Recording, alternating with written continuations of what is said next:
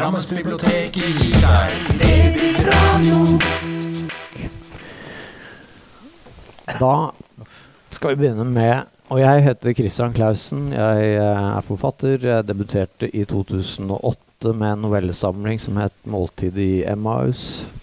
og så har jeg gitt ut noen romaner og novellesamlinger siden da. Den siste uh, var uh, I fjor, i fjor. Dagbøkene 1996 til 2018. En roman.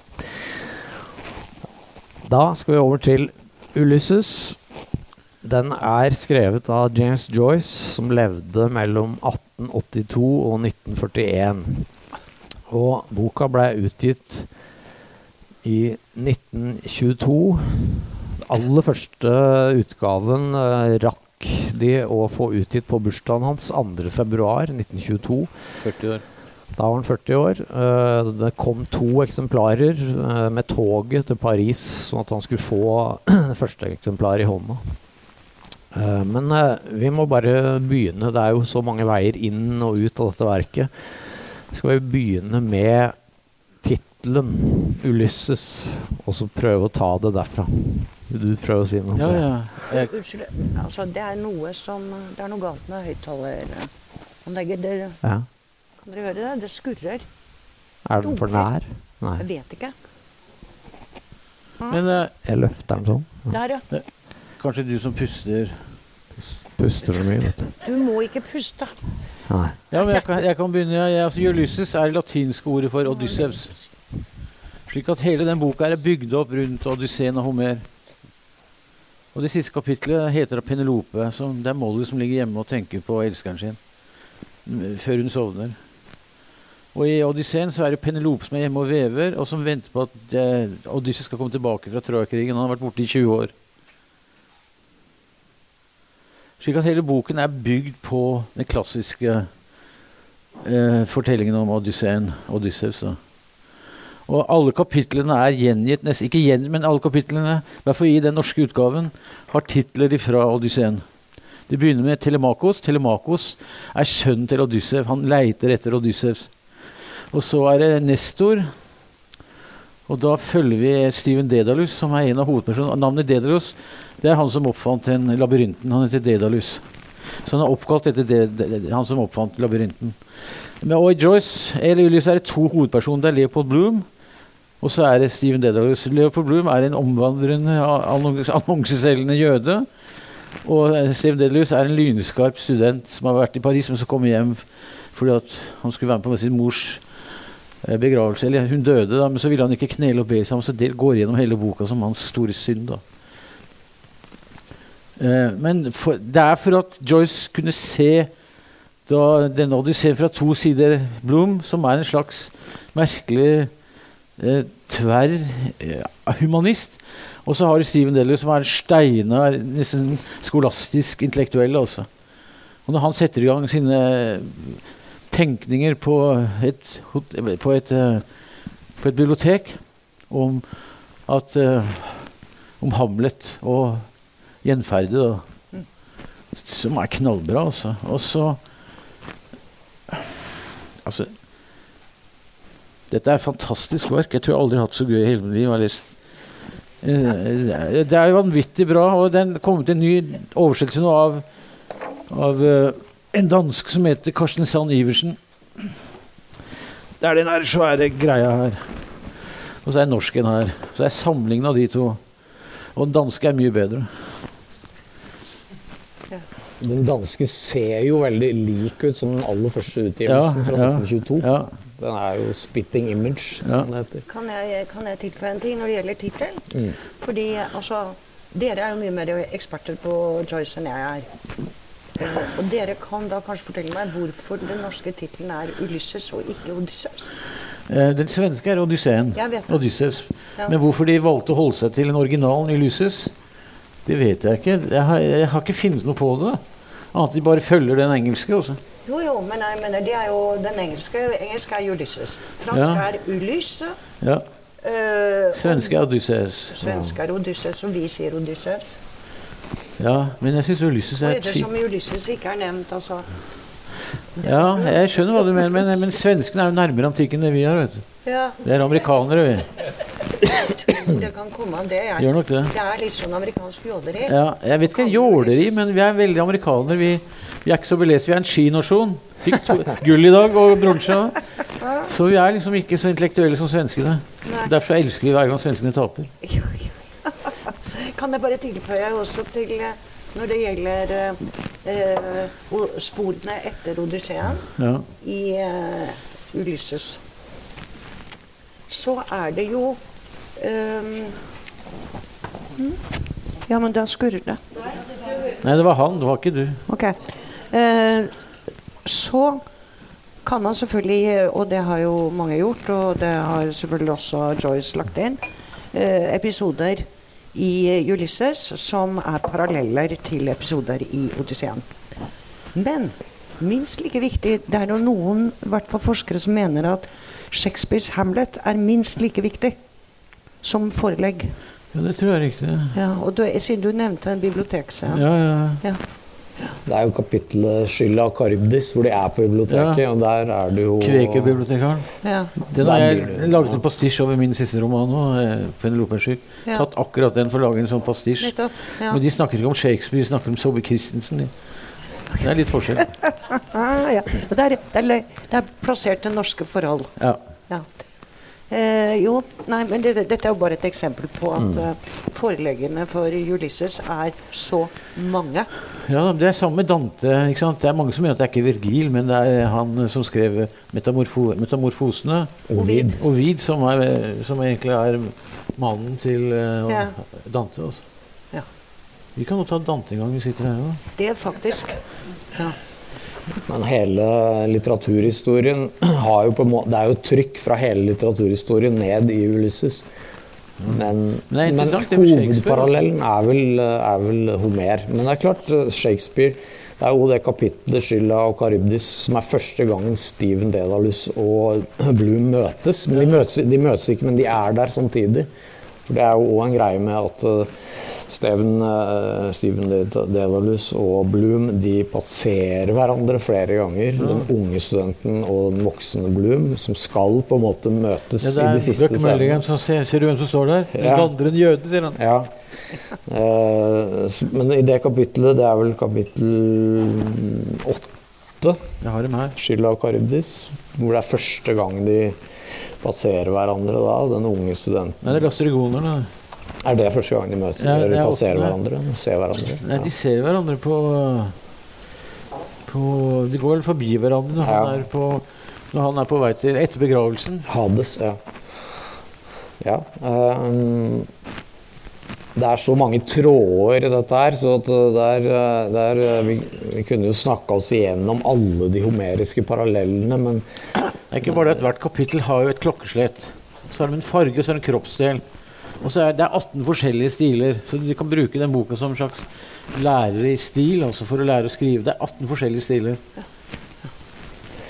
Og der er den danske mye mer nærmere original. For å gi den kapittel 14, eh, 'Solgudens okser', som han sleit beinhardt med for å lage et språk som begynner med saksisk, og som ender i engelsk. Som slang cockney. Og det gir, den det gir norske totalt faen. Han bare kjører bokmål rett ut. Hvis han danske prøver å et gam, bruke et gammelt dansk språk ja, fordi det er der hvor han går gjennom litteratur på engelsk fra, Ja. helt fra middelalderen. ja, for Jeg begynner på saksisk tid ja, ja, nettopp. Ja. Det gir eh, Olav Wangel Det blåser han totalt i. Altså. Det, blir, det er klart at det, er- det har dansken fått til. Ja. Ja. ja, for det er krevende. ja, selvfølgelig. Han har brukt to år på det. Det syns min venn Svein Jarle var veldig lite. da Og på det kapitlet, ja. Nei, på hele romanen. ja. Joyce brukte jo sju år. Tror jeg, da. Men, men for, når det gjelder akkurat foreleggene her, eller inspirasjonstilfanget, eh, som jo som dere nettopp sa, det er jo, det er på en måte all, all, litter, all er vestlig litteratur. Jo, det er noe annet òg. Det er et fransk forlegger, Dujardin, som Ja. har skrevet en bok som 'Into the Woods'. Jeg vet det. Og han lærte Struve Colchins av denne franske forfatteren som ingen kjenner. Ja, jeg hadde hørt om han, jeg, da. Ja, ja, men hvem er du, da? Ja, men, men altså Du er ikke Guds hvermann, du, da. nå, nå prøver jeg å holde to temaer fra hverandre her. Det var dette med far-sønn, ja. Ja. Som jeg ville insistere litt på. Altså Det går jo i tvers gjennom det. Ja det er det også i, Absolutt. i selvfølgelig I. Odysseen. Ja, Jakten på faren. Ja, riktig. Han drar ut for å finne faren. Ja, her er Steven blitt sønnen på en måte. Nettopp. nettopp. Men, og så er det dette med den døde faren. Altså, Stevens far, han er ikke død. Men han det er. Blooms, det. Steven, far. han er død. Ja, så her er både far og sønn. Det veksler litt. Ja, Hvem er far, og hvem er sønn? ja, Og i Hamlet så er jo som sagt, som vi vet, faren død. ja. Så det er bare spøkelset som Onkelen som tar opptrer. livet av han. Ja. Heller gift i øret hans. ja, og alt dette gjør jo at det, det blir veldig mange dimensjoner. Litt Ja. svimlende. Ja, det er litt Hele svimlende. problematikken. Ja, det er litt svimlende. ja. Det blir svimlende. Jeg husker i stad jeg var på radioen eh, NRK Buskerud-sendinga i stad. Da ble jeg spurt om hvorfor det er så umulig å komme inn i romanen og få lest den osv. Og, og da tenkte jeg Jeg sa ikke det, men en ting som slo meg, er en ting som gjør kanskje det er vanskelig å komme inn i den, er at de tre første kapitlene handler bare om Steven Dedalus. Og så i det fjerde så får du Der først begynner Kalypso. Kalypso-kapitlet. I det fjerde kapitlet så møter vi hovedpersonen. Og det også er jo på en måte en, en vrien greie kanskje for mange lesere. At de tenker ok, det skal handle om Steven Dedalus, og så, og så kommer de til det fjerde kapitlet, og så fra da så er, Begynner på nytt. begynner på nytt. På samme tids... Også det samme klokkeslettet. Ja, det minner meg om det, en, en, en westernfilm. Once Upon a Time in the West. Ja. Blue America. Ja, Når de venter på toget, disse tre skurkene. ja. Så går fyren av, så skyter han de tre, og så rir han videre. Og så, da har det gått et kvarter! Og det er de skurkene det skal handle om nå, akkurat. ja. Ja. Det er ikke Nei, det er Charles Bronson som kommer Ja, ja, av toget og, av og og skyter, og så fra da Det er handler det om flott han. film, altså. Men uh, ja. Ja. Altså, men Bloom er jo hovedpersonen. Han dukker opp første gang i kapittel fire, Calypso. Ja, Og Der er han hjemme. er Calypso han hjemme. er en av de gudinnene som tar Odysseus til fange. Og Der skjer det noe veldig interessant. For hun sier til han hvis du vil bli hos meg, så skal du bli evig. Det sier nei. Han vil hjem til Penelope. Og det er et brudd i antikken. Også. At han vil, dø, han vil gå hjem til kona si og dø. Eller bli gammel. Han vil ikke bli en gud. Jeg syns det er et kjempebrudd. Og Jeg snakker med mange antikke forskere. De er ikke interessert i det i det hele tatt. For jeg mener at det er, kjempe, det er et kjempebrudd. Så på mange måter er Odyssey en moderne skikkelse. altså. Ja. På mange måter. Det første kapitlet der, Calypso, da følger vi jo Bloom når han lager frokost til kona. på dro og driter er veldig bra. Så går han på do og driter. Er Eh, men han lager frokost til kona Molly, som ligger i senga fortsatt. Venter på elskeren sin. Eh, hun, Boylan. hun venter på elskeren sin, Blazes Boylan. Fryktelig ekkel type. altså. Ja, hun får jo et brev fra Blazes Boylan den morgenen. Putter Det er, under eh, hodeputa. Ja, det er, det er Bloom som kommer inn til henne i senga og sier du har fått et brev fra noen. Og så ser han, Det står ikke hvem det er fra, men han ser at skrifta er, Mm. er maskulin. Og det er første gangen introduseres det temaet med utroskap, at, at hun venter da på en Men han har jo også ei dame, da. Ja, han har jo en brevvekslingsaffære, Bloom. Eh, han kaller seg Henry, Henry. Flower. Ja, Leopold Bloom. Hun heter. Martha. Hun heter Martha Fielding, hva er det? Gifford, kanskje? Ok. Men han har sin Men det er også et typisk trekk ved Blum at han er litt tilbakeholden. Og, og, og på en måte liker bedre å ha den avstandsgreia med å skrive Nå brev. går etter til Navsika, så runker noe ute i skogen der. Ja, Eh, Nei, i Sanda. Ja, ja, det er strandkapitlet. Strandkapitlet. Ja, det er veldig tydelig. Så han er litt tilbakeholden eh, sånn, mens hun, Molly hun har jo eh, 14 elskere, er det vel det blir eh, referert til, totalt. Ikke samtidig. Nei, ikke samtidig. Nei, ikke samtidig. Jeg tror I den siste monologen hennes så, så blir det Det er først Ja, der man ser hvor mange hun da ramser opp. Men det er en helt annen Men, ja. folkelig Ja. Det er ikke i nærheten av Joyce på de andre greiene. I det hele tatt, altså som alle kan høre, så er dette veldig trivielt. Ja, hennes monolog er triviell. Ja, nei, men altså, jeg mener, det livet de fører. ja, det er trivielt. Ja, og det er jo det som er poenget, så vidt jeg har skjønt. Ja, men det er ikke det, er ikke det for at eh, det er noe som heter Bloomsday, og det er altså 16. juni. Da, I Irland da, så leser de hele boka. Også på forfatter... Litteraturhuset hadde vi Bloomsday for to år siden. Da fikk vi Jan Grønli til å lese det nest siste kapittelet, såkalte katekismekapitlet. Han brukte fire timer på det. Og, da, og det som da skjer Jeg leste samtidig det at Bloom plutselig blir en helt annen skikkelse. Altså Han blir så enormt interessant. Jo, Han blir nesten var- Hamlet. Også. Det var dit jeg ville. Altså, I utgangspunktet er dette veldig trivielt. Ja, men det er mye mer, Det altså. som skjer, er trivielt. Men så løftes det opp. Ja, Noe så enormt. Altså. Ja, han fikk et helt nytt blikk på Bloom. Altså. Altså, og det er jo kunsten.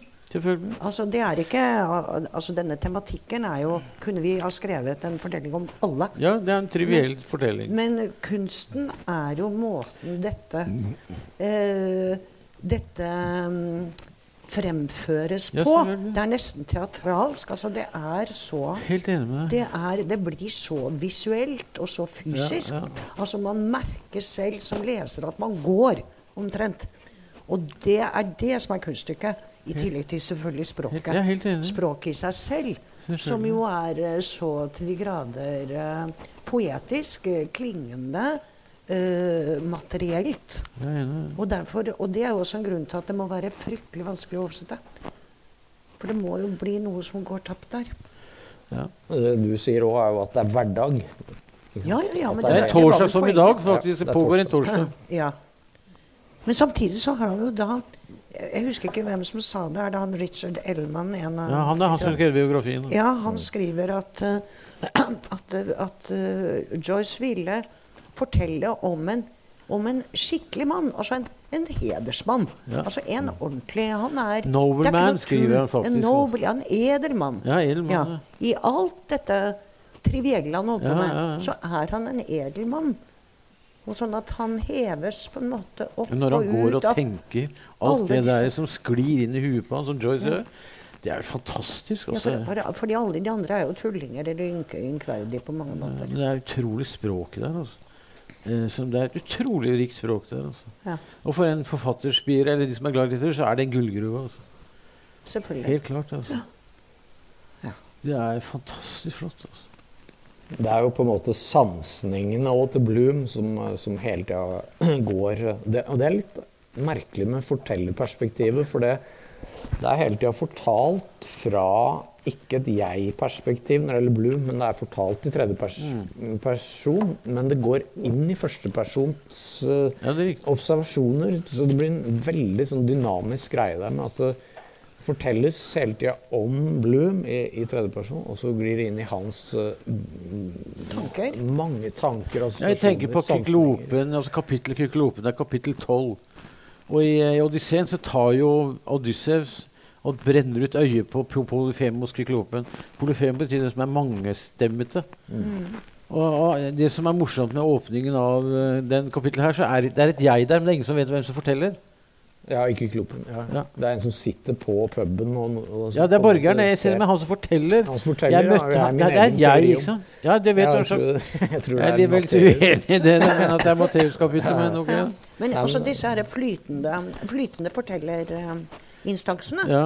eh, det er jo blant de tingene som gjør at uh, Ulysses kan bli litt uh, komplisert å lese. Ja, det er, det er litt komplisert, for den er litt på en måte litt sånn øh, den, er, den stenger litt, for den er så, den er så øh, Hva skal jeg kalle det for noe? Den er så selvfølgelig. Den regner med at du kan alle undertekstene. Altså, den er litt sånn Han regner ikke med det, vet du. Nei, men, men en når du leser det, så er det sånn at han, at han, at han tenker at du Det er noe innforstått over hele boka.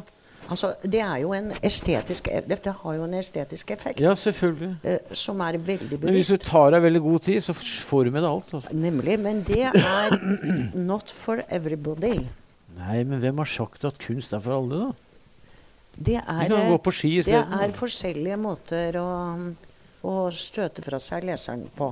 Ja, og det er jo en Prost også. Fordi, ja, ja, ja, men det var jo det, det jeg ville frem til nå. Mm. Altså, du, du skal fortjene Leseren skal fortjene å komme inn i verket. Ja, hvis Du får det ikke gratis. Nei, sånn sånn det, skal var, det være. det var poenget mitt. Og, og det er klart at hvis du skal fortelle noe som er veldig komplisert, som det jo er, det som Joyce vil fortelle, selvfølgelig, selvfølgelig. så kan det ikke bli enkelt. Eh, hvis vi skal bare foreløpig avslutte det med Homer eh, og parallellene der eh, de første åra når romanen var ute, så fantes det ikke noen angivelser av at hvert kapittel har en parallell til Odysseen. Ikke sant? Det var bare en svær, kjempegåtefull bok for de fleste. Og så kom det en bok i 1930 av Stuart Gilbert. denne Den her, som jeg har i pocketutgave her, 1930, hvor han da forklarte alle disse homeriske parallellene. Eh, når man får de, så blir det på en måte lettere å se hele strukturen og, og følge det. Men inntil den kom, så må jo verket, har jeg tenkt, blitt, ha blitt oppfatta bare som ufattelig gåtefullt. Og jeg leste den som heter Auerbach, som har skrevet Ja, Mimesis, ja. eh, Mimesis, en bok om hele litteraturen. Eller om hans litteraturhistorie, hvor han gjør neddykk i Homer og Bibelen og alle. Og han skrev den på 1930-tallet. 42, mm. krigen. 42 til 45. Han Den måtte er stikke utgitt etter krigen, jeg vet det. Ja, men han måtte Han skrev. Han dro til Tyrkia. Ja, Han dro skrev den i Istanbul mellom Ja. 42 og Jeg måtte 45. stikke Men jeg, av jeg bare lurte på, for I det siste kapittelet der, for han skriver litt om Proust og litt om Virginia Woolf Men jeg opplevde det kapittelet hans der som om han ikke har fått med seg de homeriske parallellene. Ja, og at han bare skriver at dette er en så gåtefull eh, bok at jeg at han liksom bøyde seg i støvet. Men da tenkte jeg kanskje han ikke har fått med seg heller Stuart Gilberts bok og de, den skjemaet. Men jeg leser dette om igjen i ettermiddag, uh, hva Olva skriver. Og han sier altså blant annet dette er en encyklopedisk roman. Altså det handler om alt. ikke sant? Det er jo Prost også. Den speiler Dublin, Irland, Europa og flere tusen års europeisk historie. Ikke bare litteraturhistorie, men historie. Dette sier Auerbach. Og det som gjør den så komplisert å lese, det er alle gjenspeilingene i bevisstheten hos den enkelte. Eh, altså fra ting rundt omkring, men også gjenspeilinger av ting som har vært. Altså som personen har opplevd. Alt dette samtidig med at tiden er lagdelt. Altså det er så mange tidsavsnitt, tidssnitt, da, som er til stede. Uh, og dette er presset til det ytterste hos Joyce. skrev. Så den og så må jeg bare sitere Apropos det du sier om, eh, om hva Auerbach har skjønt og ikke. Han sier den perplekse leser spør seg hvilken orden som skjuler seg bak en så tilsynelatende arbitrær fremgangsmåte. Og det kunne tyde på at han ikke har sett. Det er akkurat det jeg mener. Sett, altså Han har ikke sett parallellene. Men han må jo stilt seg spørsmålet pga. tittelen. da. Ja. Boken heter jo tross alt 'Ulysses'. Nei, for han har det her, alle kapitlene med det latinske eller med de greske forlag. Men det har ikke det danske. Nei. Ikke i det hele Nei, og det hadde jo ikke originalen. Nei, så han bare går rett på. Nei, han har tatt den første. Ja. Og ikke noe forhold eller etterord eller noen ting. Men i Gilberts bok så har han jo dette skjemaet. Jeg har det her, skjema. Ja. Ikke sant? Her er det hele skjemaet. Hvor du ser kapittel ja, for kapittel, og hva i Ja, ja. ser Ja. det skal speile. ikke sant? Og så er det jo et spørsmål må vi Og det følge har det Angel. skjemaet? Angel har det, han òg. Angel har det i for... Eller i Ja, ja, ja. Der. Ja, ja. Mhm. For meg, bare for å ta en digresjon eh, om meg, da, så ble det inngangen eh, til boka for min del. Fordi jeg først var veldig opptatt av Homer. Jeg, reiste til, av en studietur til Sicilia på 1990-tallet. Og da ble jeg veldig opptatt av Homer. Og sicilianerne de påberoper seg at flere eh, Odysseen-episoder foregår på Sicilia. Eh, så når jeg var der på en pub, så var det bilde av kyklopen eh, på veggen. ikke sant? Og de var Ja, men hele Sør-Italia det er- Alle, alle strendene heter Lido di Kirche. ja, ja, og Eller er Odysseus øyer. Ja, ja, det sånn, finnes overalt i da- Italia. Jeg Ja, Odysseus, han reiste jo rundt Middelhavet. Ja, han kunne jo tatt snarveien fra Troja til eh, Alle påberoper seg sikkert han uansett. Ja, Han Nordlendingene mener at han dro til, kom til eh, Lofoten. ikke sant? Ja, men det leste jeg faktisk. Ultima Thule. At eh, de mener, Noen mener at lestrigonerne at det er Ja. eh, i nord... Eller Ja, i norskekysten. Ja, ja, riktig. Det er leste svære kvinnfolk, vet du. Robert Graves eh, Ja. Greek Myths. Ja, stemmer det. At uh, lestrigonerne, de, de kannibalaktige kjempene Kjempesvære som Det muligens var referanse allerede i oldtiden mot nordmenns Ultima Thule, som det blir kalt. barbarisk ja, ja. Men min egen inngang til det var jeg, var først ved at jeg var veldig opptatt av Homer og Odysseen. Og så når jeg da leste Angels eh, oversettelse, hvor så ble jeg veldig tent av det at hvert kapittel hadde den episoden i Odysseen som det skal være et speil. Så det var min inngang. Ja. Men så er spørsmålet må vi ha den inngangen til det. Det hjelper. Jeg har, jeg har denne Boysen-oversettelsen fra 1947, den danske som han andre dansken hater. Og, og der er alle de latinske ordene gjengitt på baksiden. Det får du bare i den engelske her. Da får du vite hva det betyr. Eh, og det er jo mye sex, da, selvfølgelig. Ja, ja, ja. Ja, nei, jeg vet ikke. Eh, Auerbach, hvis, selv om han ikke har sett dette, så har han tydeligvis fått mye ut av Ulysses Sand, altså. Mm. Selv om han ikke har gått opp akkurat i sporene, da. Ja, Forut av Nytestamentet er jo fantastisk. Han skriver om Peter og Vi vet jo ikke. Ja, det er det beste kapittelet. Hvilket da? det første kapittelet. Han skriver om Peter og de fattige fiskerne. Ja, ja. Nytestamentet hvordan det fornya hele språket. Ikke sant? Mm. Men det gir jo, i hvert fall ga det meg en veldig sånn at det, er, det blir litt morsomt. Uh, og det gir den dimensjonen med hva er det han leker med nå? I, liksom, når det kommer til lotusspiserne, så, så blir det morsomt å på en måte se alle de symbolene han leker med. og at det er parfymer, og det er mye henvisning til beruselse. ikke sant? Så det, det, det utvider, etter min mening, lesningen å ha Odyssevs da, Ja, i, bak, ja. i bakgrunnen. Sikkert, sikkert. Men det må ikke fortrenge alle de andre referansene.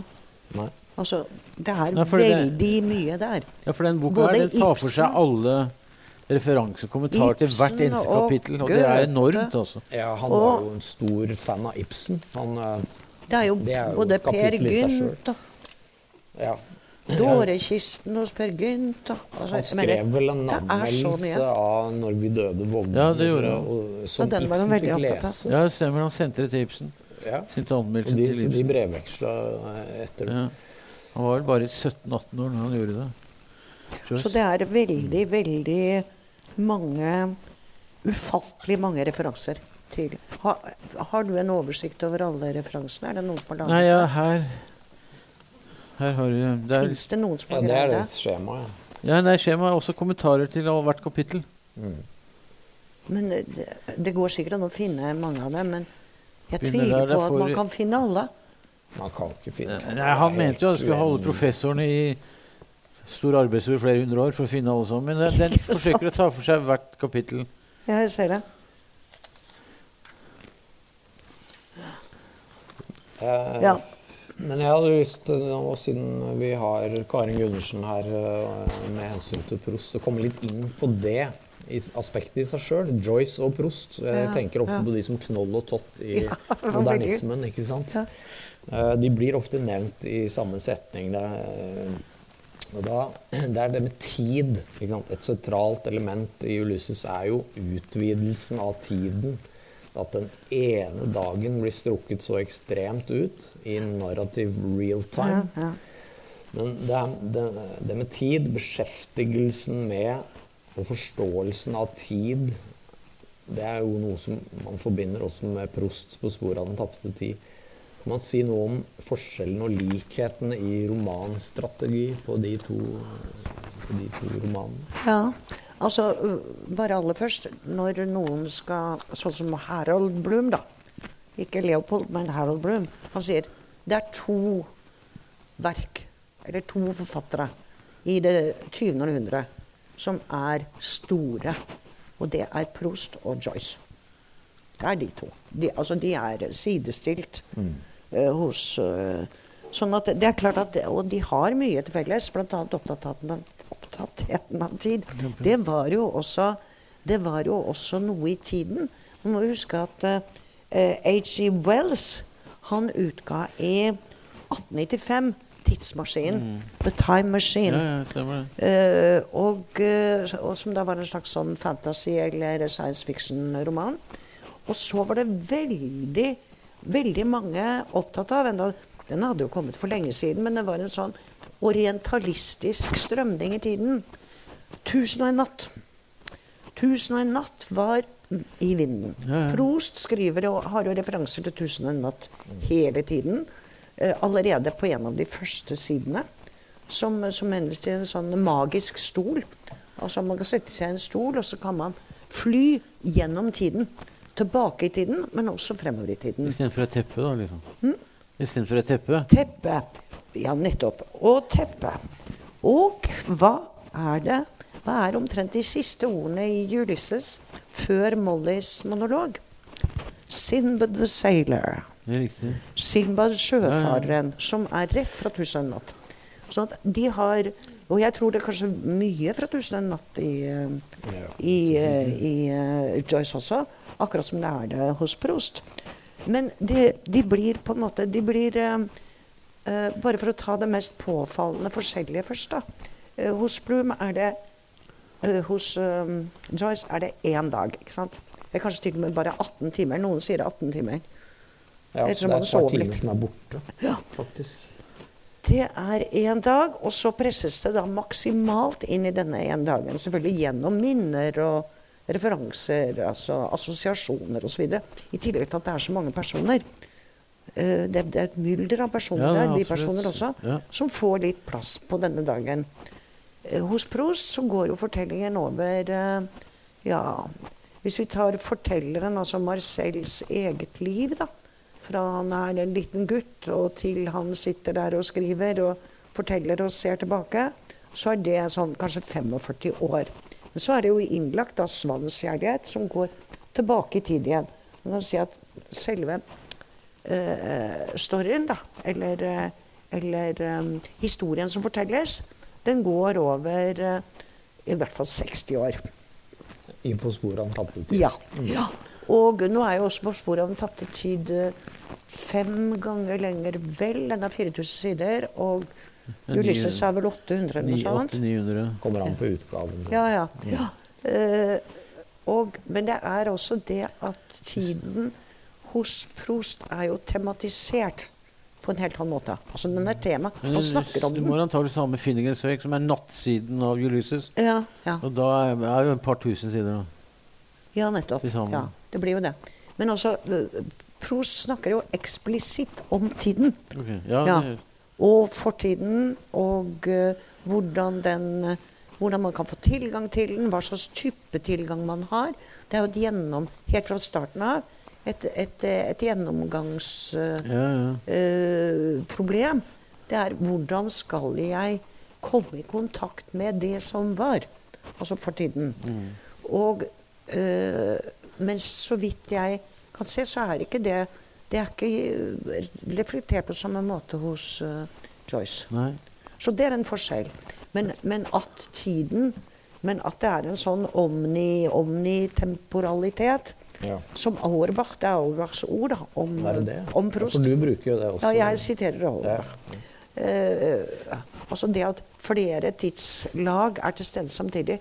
Det er altså én ting, en ting som skjer, påkaller noe annet. Ja. Som egentlig ikke Det er vel det han kaller for verden uten ende. Nettopp. Og, og det ligner jo veldig. Altså, sånn er det jo hos også. Jeg tenker jo at uh, Prost går jo veldig analytisk til verk, verks. Han går liksom inn Han i er et fransk. minne, og så begynner han å analysere og dra. Han andre Mens- er irsk. Mens er stor Joyce, der er det mer Ja. at alt kan slå inn i teksten. Alle tider kan hele tiden slå inn i teksten. Ikke? At han plutselig husker at Molly mista det barnet hun skulle få. Ja, Ruben. Ja. Ja, det kan plutselig slå inn, og så kan det plutselig slå inn noe med faren. eller noe, ikke sant? Alle tider kan, slår hele tiden inn Ja. minutt for minutt i løpet av den dagen. I, i, Ja, ja. Han må jo det da, hvis han skal holde seg til én dag. Ja. Ja. Men, eh, for det er jo en estetisk restriksjon. Altså, det er jo et tvangsgrep. Ja. Altså, det er jo mange, altså, det er jo et klassisk, eh, klassisk holdning til kunsten. At jo strengere rammer du setter for uh, kunsten, teksten, jo bedre blir det. Altså, du må anstrenge deg mer. Det er derfor det, man før i tiden skrev på vers, ikke sant? for eksempel. Det er lettere Altså, å huske. Og, Det er Jo, det, det, er, det, det krever mer av deg. Det er eh, Og eh, Hva var det jeg skulle si at eh, Jeg syns det er mye større galskap i Ulysses enn her i Jo, jo. Altså. Takk. Det var akkurat den galskapen. mer, mens Joyce Jo, jo. bryr seg ikke om å forklare. Der er det bare Men det, det er jo det. Jeg skal fortelle om da de møttes i Paris. Ja, det har jeg lest om. Jeg må gjerne fortelle om det. altså. Altså, man kan jo ikke Det gikk jo jævlig dårlig. Altså, man kan jo ikke bli mer forskjellig, på en måte, da, enn Proust og Joyce. Altså, tekstene også. De er veldig forskjellige. De er store på hver sin måte, for å si det sånn. Ja, ja. Men det er jo fordi den ene er fransk og analytisk, og klassi, i en tung klassisk tradisjon midt i Europa. Og den andre kommer jo må vel si litt fra, litt fra bushen eller utkanten. Ja, det er på, Der borte kolonial, på den øya. Ja. Hater engelskmennene. Og uh, nettopp. Og, og eh, altså litt mer Jeg vil ikke si barbarisk, men altså Det er jo ikke den franske dansen. De møttes altså De møttes i Paris i, i 1822 Nei, 1922. Det var samme året som han døde, da. Det var noen måneder Nei, han døde 22. Det var noen måneder før han døde, i det november 22. Han døde 22. Døde i 22? Prost, ja. Ja, for det er det store året. Sant? Ulysses kommer ut, T.S. Eliot og Altså Hvis jeg kan få bare avsluttet setningen eh. De møttes altså da i juni 1822. 1722. For, øh, 1922. 1922. Det er så lenge siden. Uh, og eh, da bodde jo Joyce Paris, da. Ja. Og, eh, og, og så var det vel noen som ville føre dem sammen. Jeg husker ikke helt bakgrunnen for det. Men i hvert fall så møttes de. Og det var anledningen fest for Stravinskij og russiske balletten som hadde gjesteopptreden i Paris da. Og Proust elsket jo disse russiske ballettensemblet og Stravinskij. Så det skulle være fest på et veldig fint hotell. Og der ankom de etter hvert, da. Og, og Joyce han ankom da ganske lurvete kledd. Og, fattig. Og allerede ganske beruset. Ja, det likte jeg jo. Ja. Eh, og så kom Prost i pelsfrakk med hvite hansker. Selvfølgelig dandyen, vet du. Eh, men de ble jo plassert ved siden av hverandre, og alle var veldig spent på hva kommer disse to store til å snakke om. Ja. Og så viste det seg Og der er det forskjellige varianter av Jeg hørte historien. det var en katastrofe, ja, men Ja, Du altså, snakka om sjokolade, har jeg hørt, og om helseplagene. ja, det, den ene hadde, kunne nesten ikke se lenger. Det var Joyce. ja. Han, 'Jeg er nesten blind', sa han. Og, og Prost. Og jeg har sånn mageproblemer som Prost. Jeg får ikke sove. Det var vel omtrent det. Og så er det andre som sier at nei, dette var bare tøv. Det var ikke det de snakket om. De, var, de stilte De sa bare nei til hverandre. Nei. Og det var den ene Altså, Prost spurte Joyce om han kjente hertuginne sånn og sånn. Nei, sa Joyce. Så spurte Joyce Prost har du lest Ulysses. Nei, sa Prost. Og det stoppet der. Jo, Og- men så var det én ting de var enige om, og det var at begge foretrakk trøfler framfor sjokolade. Ja, det, det er en annen det- eh, ja, det, er, Det er mange fortellinger Det er så mange fortellinger om dette møtet. Men, eh, og, og Joyce har selv skrevet noe om det, visstnok, eller uttalt seg. Men hos Prost er det ikke spor av det. Jeg tror han ville glemme så fort som mulig det lurvete Lurvete. barbaren fra Barbaren, Irland. ja. Nei. Nei, men det er eh, Jeg, jeg overdrar kanskje litt, men altså, dette har jeg fra sikre kilder-. At han var Det var jo et veldig fint selskap, og han kom ikke i kjole og hvitt. Joyce. Nei, det tviler jeg ikke Det på. gjorde Prost. Han hadde ikke råd til å kjøpe seg en dress engang. Prost var jo styrtrik. Han hadde jo Han var sin mors bygård i Paris. hadde Ja, jeg vet. Han I know, var- I know. Ja da, han var det. jo Ja, så det var veldig um, De var litt sånn ikke på, helt på bølgelengde, da. Men, uh, men um, Det er mye arbeiderklasse over Joyce når du leser Ulysses. Det er vaudeville. Men var han arbeiderklassesønn, da? Jeg tror han er ganske arbeiderklasse-minded. Selv om han gikk jo på, på Jesuit- fine ja, ja, universiteter. Ja, ja Jesuithøgskolen i, Ja, i universitetet i Trinity. Altså Må i jo Ha altså. penger, da. Faren var velholden, men Men han sølte gikk- bort alle pengene. Ja. Så at, uh, De flytta jo hele tiden. Ja, de flytta hele tiden. og Faren var en sånn levemann som bare sølte bort penga og sånn. Men, men, pro, men Ja, hvis, du leser, hvis du leser den boken eh, om hans oppvekst som heter 'Portrait of the Artist of Young Man', så har ganske smal hans, altså. Der, men der får han en religiøs vekkelse. Ja, de var vel også så mange? Var det ikke ti søsken? Jo, det var kjempemange. Ja. Man får en religiøs vekkelse der som han mister etter hvert. Så var jo Joyce på en måte smalhans hele livet òg. Ja. fordi at eh, han fikk vel et slags stipend av Harriet Weaver. En Ja, han slags eh, noe- mesen Ja, som ga, det. ga han stipend et stipend hele tida. Og han ble jo aldri rik på Ulysses. ikke noe Ennå den fikk jo så mye oppmerksomhet internasjonalt også. Men han var avhengig av mesener hele livet. For det var vel sånn piratkopier, var det ikke det? Sånn at han, Ja, det ble laget piratkopier som han ikke på, men, eh, Han Det fikk var ikke amerikanske piratkopier som ikke fikk noe penger for. Nettopp. Ja. Det var ikke så veldig mye Det var ikke så veldig sånn lov på opphavsrettigheter den gangen. Jeg tror jeg var ganske dårlig, for å si det mildt.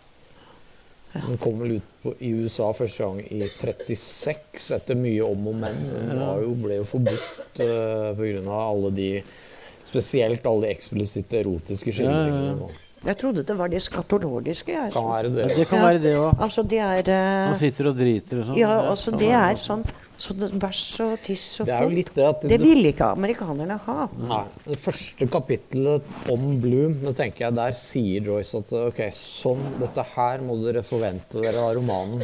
Det første som skjer, er at han går på do, liksom, og Ja, beskrives det er, at han ganske river ut fra en avis han Han leser, og tørker seg- bak. Og hva han tørker seg bak med. Men i er Frankrike var ikke det sier, sånn er denne romanen. ja, ja. Men i Frankrike var ikke det noe problem, for de hadde jo Rabelais allerede på 1500-tallet. Og hos Rabelais uh, så er det jo veldig mye kroppsfunksjoner i full, fullt driv. Og så har de jo eh, Baudelaire òg, da. Så. Ja, ja, ja. Nei, men Frankrike hadde aldri noe Altså, de har Ja, hatt det var ikke, det var de ikke der han fikk problemer. Det var i Amerika han fikk problemer. Ja, Frankrike hadde politisk sensur i noen perioder bakover i historien. Men veldig sjelden sånn som gikk på sex. Og, Ja, ja. Ja, i Frankrike. Der Det var var det kanskje derfor. Paris var det stedet han ga ut Ulysses òg, for det det det litterære klimaet og sånn. det var jo så ille at når han døde, så ble han ikke begravd i Dublin. Han ble begravd i Sveits. Men så fikk de liket opp senere, i 1966, for kona og han ble begravd felles i, i, i Irland. De nekta han fordi at han var en frafallen katolikk. Det er jo sant. Ja, han var jo utdannet hos jesuittene, var han Ja, ikke det? på Skulle han ikke bli prest? universitet Jo, han skulle bli prest. Ja, er jo klart. Det er jo krise av frafallen, ja. ja. Ja, eh, Portrettet av Kvitte som ung mann, der skriver han om hele, eh, hele krisa. Altså hvordan Ja, ja. han Til slutt så fornekter han, så drar han fra Irland. Som, som Steven, og som ikke vil be som moren sin når hun ligger for døden. Så det er sånne paralleller her. Så, så blir han spurt av, av, av Buck Mulligan når skal du gi ut din, din eh, bok om ti år. Og det er 1914, ikke sant? Etter Ja. eh, 1904, Ja. som handlingen er. Og det blir da, eh, det blir da eh, eh, Steven Hero eller noe sånt noe. Den første boka hans. Ja, første forsøket på Ja, for forsøk, ja. portrett av kunstner som ung mann. Um, skal vi si noe mer om, eh, om Marcel Proust og Joyce og sammenligne dem? Jeg, jeg har notert bare en likhet i forhold til det med, med romantikk. At det, det er vel Harold Bloom, han litteraturviteren, som sier i Vestens litterære kanon at, Prost viser hvordan sjalusien forsterker og forlenger kjærligheten. I og med at Marcel han har denne intense dvelingen ved det vanskelige forholdet til Albertine. Mm. Men det er litt av det samme i Ulysses, egentlig. At Blooms forhold til Molly er jo prega av en slags sånn litt søtladen sjalusi. Søtladen sjalusi? Høres ut som en selvmotsigelse, men Ja, men det, jeg opplever litt sånn Han at har, han har litt han dyrker det litt òg, det Jeg at vet ikke om han dyrker det litt, men det er et rart forhold de har seg imellom. Ja. For at i den monologen så er det liksom forakteren. Hun? Ja. Ja, hun, ja. Kommer han med liksom hva, Fortell meg hva ting byr. Jeg skjønner ingenting, for han kan ikke snakke som vanlige folk. Det er ikke, det er ikke bare det. Altså. Hun er ganske fæl mot Jeg vil gjerne si noe om den monologen, men jeg kan kanskje gjøre det etterpå. Nei, bare Nei. rett ut. Ta det nå. Vi tar det etter hvert som vi kommer på. Eh, Altså, det er jo sånn at de siste 40 sidene 45 av boken, det er en 40, det er mer enn 45. det er en, i, I originalen som jeg leser, var det vel det, men det var litt tett skrift. Men uansett, så er det en lang indre monolog, som man kalte det før i tiden. Så også kalt 'stream of consciousness' av litteraturhistorikerne. Monolog interiør, I- sier Det man heter vel det på fransk. ja. Eh, og eh, som er Molly, kona til Bloom, som da ligger Jeg tror det er mens hun ligger i sengen. Ja, vet du hvorfor hun heter Molly? Nei. Det vet jeg. Ja, den Fortell, er litt morsom. Det er jo Nei, Hermes det, det, er, det er når Odyssey er på vei til å møte s- sjømennene sine som er tatt til fange av kirke. Så har de gjort om til griser. Ja. Og så det øyeblikket han er det så kommer Hermes flyvende med disse vingeskoene, og så sier han hvis du spiser den roten her som heter moly, da blir du ikke gjort om til en gris. Linné skriver om det at det er en slags hvitløk, men det er jeg usikker på. da. Så spiser han den, og så Så- greier ikke kirke å trille han rundt en gris. Så det er det Molly kommer av. Ja. Ja, ja, det var jo kjempeinteressant. Men i hvert fall. Hun får da endelig ordet, da. Etter 800 sider hvor det er bare menn som snakker. Jeg bare nevner det. Ja. Ja, Det er ganske påfallende. Det er ikke helt riktig. da. I Sirene så er det to barepiker Jo, som jo, snakker mye. men da. altså, det er Altså mm. nå, nå snakker jeg om karakter, altså. Det er Hovedkarakterene. Ja. Hovedkarakterene, det er menn. Ja, og de har noen barpiker og, og horer og sånt rundt Nei, men du tar litt feil, for sirenene er de to barpikene i sirenene. De Ja, ja, ja. snakker veldig mye, altså. Og Ja. de har karakter, altså. Ja, Jeg tror du tar litt feil.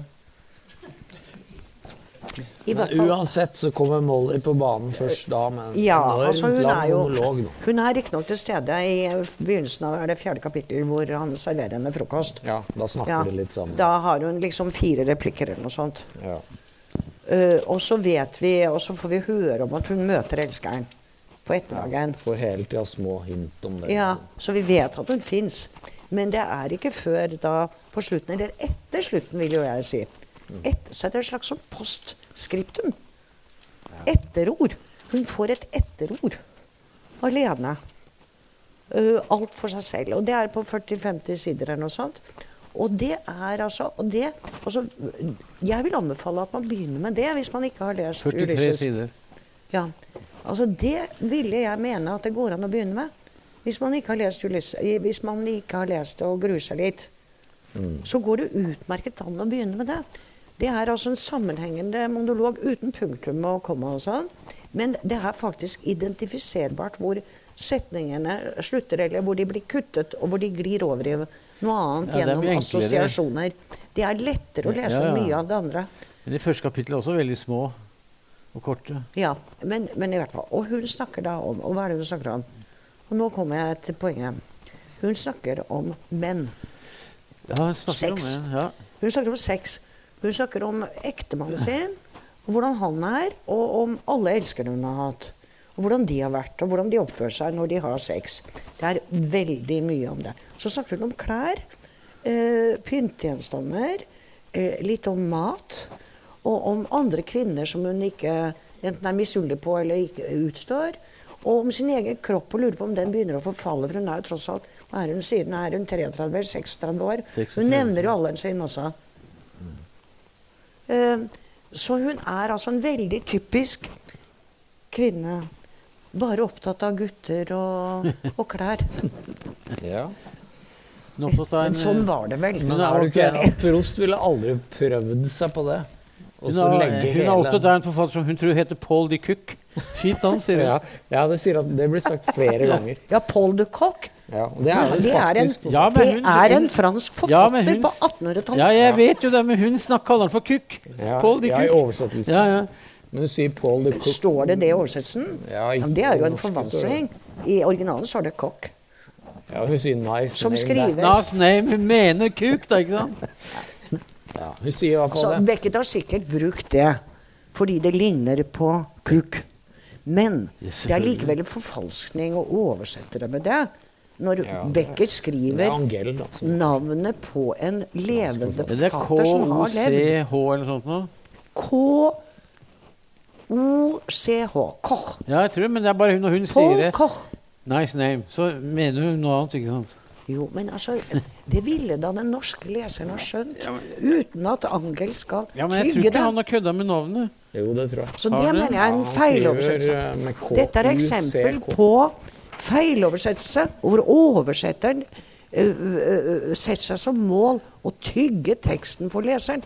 Undervurdering av leseren. Det skal vi jo snakke litt mer om etterpå, tenkte jeg, med oversettelser. Ja. Men jeg, Angel er jo nettopp død. Han døde vel i fjor. Ja. Jo, jo, men jeg må jo kunne si noe om oversettelsen hans for det. Men, eh, men jeg har òg slitt med hans oversettelse, for jeg syns den er veldig det som kalles studentikos. At det er litt sånn barnslig humor. Eh, Jo, han skriver om til, ja, ikke sant, det er det jeg mener. Han skriver kuk. Så jeg, Ja, jeg har holdt meg til den engelske originalen, for jeg, jeg syns Angels oversettelse Ja. blir litt sånn festlig, og la oss lage morsomme ordspill for å konkurrere med Joyce. Det er ikke lett å oversette, det, selvfølgelig. Jeg skjønner jo det. Det er jo Men, men altså, ufattelig at noen prøver. Men det er veldig Altså, øh, det er selvfølgelig uh, Molly Bloom, da. Hun blir sånn veldig typisk stereotypisk kvinne. Men hun er festlig! Det var det, Nå kommer jeg til poenget mitt igjen. Altså, altså, dette er trivielt, dette er lavt, dette er øh, stereotypisk jenter som bare er opptatt av gutter og klær og sånn. Men hun, det er så elegant. Det er så elegant, den monologen hennes. Og det er så morsom å lese. Så det vil jeg også virkelig anbefale. Begynn med den. Så blir det lettere etterpå å lese fra begynnelsen. Ja, det er et veldig morsomt poeng, for jeg har også tenkt på det at jeg vil anbefale folk å begynne på kapittel fire. Hvis man, Ja, skal, det vil jeg gjort. Så. hvis man skal gå inn i det, for der begynner Bloom, og der er det Ja, en gang Bloom og Det er sant, ja. Men, men på den annen side Det er jo noe med inngangen her.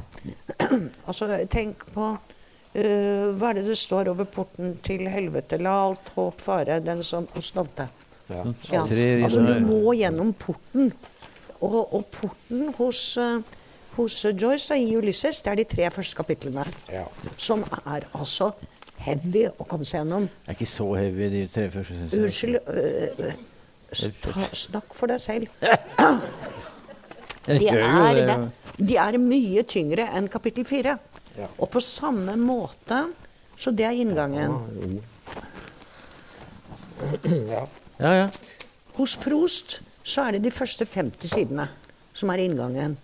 Og de fleste, veldig mange lesere, gir opp før de kommer til selve fortellingen. Så kan du si ja, men begynn å lese på side 50. Der begynner fortellingen om barndommen i Combré. Men altså, det er jo, det er jo et simpelthen Jeg vil si at det er eh, kriminelt. Altså, du skal begynne med begynnelsen. Nå har jeg motsatt meg selv ved å si ta Mollys monolog først, men ettersom det er et etterord Og ofte leser vi etterordet før vi begynner på teksten. Det handler om å, å, å ta det første steget inn i noe som er kom, veldig Ja. komplekst og vanskelig. Ja. Og det hadde jeg egentlig hatt eh, skrevet som, som det nesten siste vi skulle snakke om, men det er jo det at han argentineren Borges han sier jo at Ulysses kan ikke leses, bare gjenleses. Ja, ja. Og med det så mener han vel at det er en roman du er nødt til å nærme deg, prøve, feile, gi opp, begynne på nytt. Lese om, kanskje. Det var veldig fint å høre den høytlest, som han Jan, Jan Ja. Grønli gjorde. Ja, Itaka-kapittel. ja, ja, det nest siste kapittel. Ikke Itaka. ne- Ja, det ja, det kalles, ja, det er det. Men det kalles også for uh, vannkapittelet. vannkapittelet og, og at det er, er laget akkurat som Luthers katekisme. Det er svar, spørsmål og svar gjennom hele. Ja. Men han brukte altså fire timer på det. Altså. Det var utrolig flott det er jo det kapitlet Joyce brukte lengst tid på å skrive òg. Det er lest i biografi om at han brukte åtte måneder på ett kapittel. Han sleit med også med Men det som er så fint med at, eh, og romaner hvor det, er, hvor det er veldig vanskelig, som det er vanskelig å komme inn i, det er at du får premien. Det er som å gå oppover en god fjelltur. Bratte bakker. Det er så bratt at du har mest lyst til å bare sette deg ned og spise matpakken og gå hjem igjen. Men hvis du holder ut, så får du utsikt. Kom på toppen. Jeg syns både Ulysses og På sporet av en tapt tid svarer til den beskrivelsen. Så det blir litt sånn å lese og, og begynne liksom der hvor det er litt lettere. Da, med Ulysses, da vil man også gå glipp av, av denne maniske referansene til latin og gresk og all det lærde som vi har i de tre første kapitlene. Som de brifer med disse studentene. De brifer jo med lærdom. ikke sant? Ja, ja, Kommer med et latinsitat her og litt der og sånn. Og, sånn som vi alle gjorde da vi var unge og begynte å lære noe. Plassere inn ting. Og, og det, er, det syns jeg egentlig er ganske morsomt, når jeg først liksom skjønte hva som var poenget med det. Så Det vil man gå glipp av. For øvrig så har Roland Barth sagt det samme som Borges, men det er mulig at han har det derfra. Han, sagt at, han sa i forbindelse med en bok når var det da, Vi begynner med å lese teksten om igjen straks. Altså ikke altså, man ikke har lest den, lese den om igjen med en gang. Med det mener han en langsom, analytisk lesning. Ja, det er vel det Walter Benjamin snakker om å lese langsomt, at teksten nesten går i stykker. Nettopp. Men at det er lettere å få den Jeg har lest mye høyt i, i Ulysses. Jeg syns det har vært veldig flott også å lese det høyt. Men det er klart, det er no, når du er forfatterspiret som jeg har vært en gang, kanskje jeg er ennå, vil noen si, så er for meg var det der Det var liksom å komme på skolen også, og lese Julius. Det var liksom lærdom. Altså. Det, Mm. det, var- det var samme som å lese Bibelen, Jo. Homer, Ja. Dante og Julius og Proust, selvfølgelig. Altså, det, Mm. det må du gjennom også, du skal være et belest menneske. Også.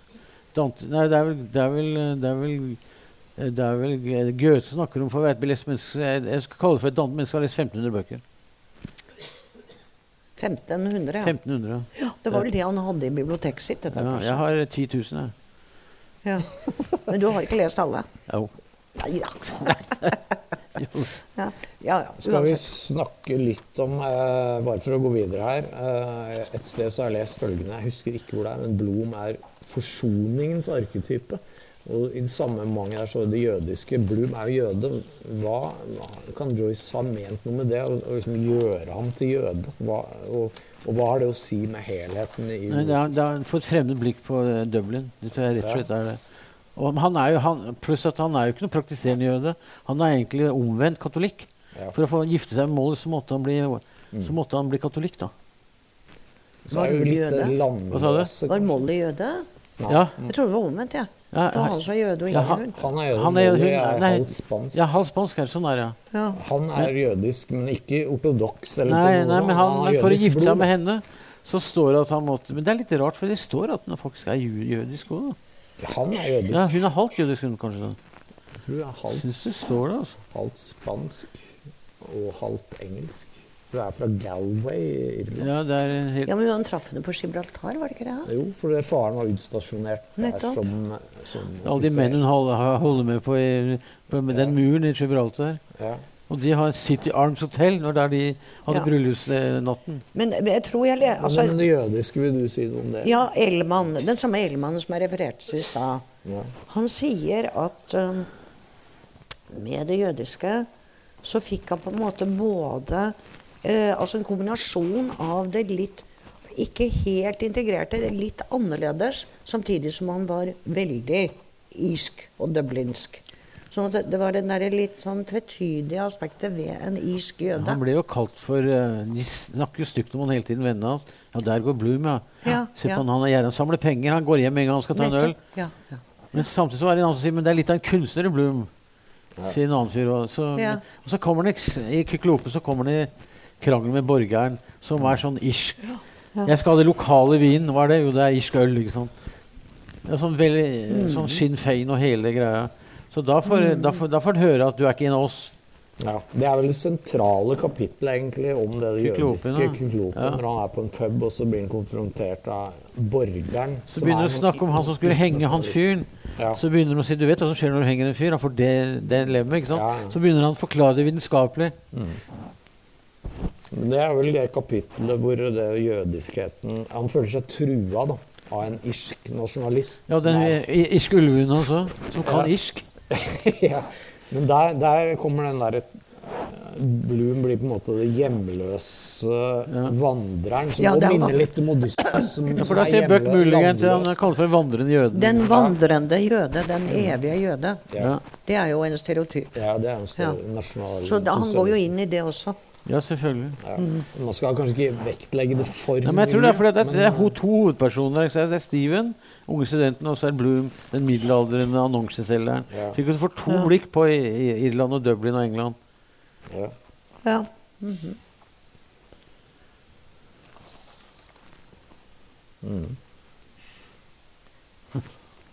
Det var det jødiske Det er jo Han er egentlig ungarsk jøde.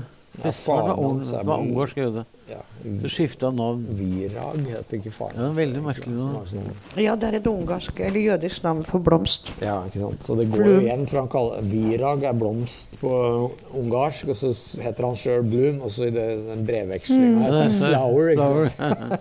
mm. Men eh, ja, Vi kunne snakka mer om det jødiske, men jeg skal ikke betone det for mye heller. Men eh, da går vi over til neste tema, som jeg har skrevet opp, som er skrivemåten hos Joyce. Er det mulig å si noe mer om den, og veien videre til det neste verket hans, 'Finnegans Wake'? Eh, altså det med ordspill og, og lek og tull og mye sånt skulle han jo på en måte drive videre i 'Finnegans Wake'. Jeg kaller absurdum. Vei for liksom nattsiden av Ulysses. da.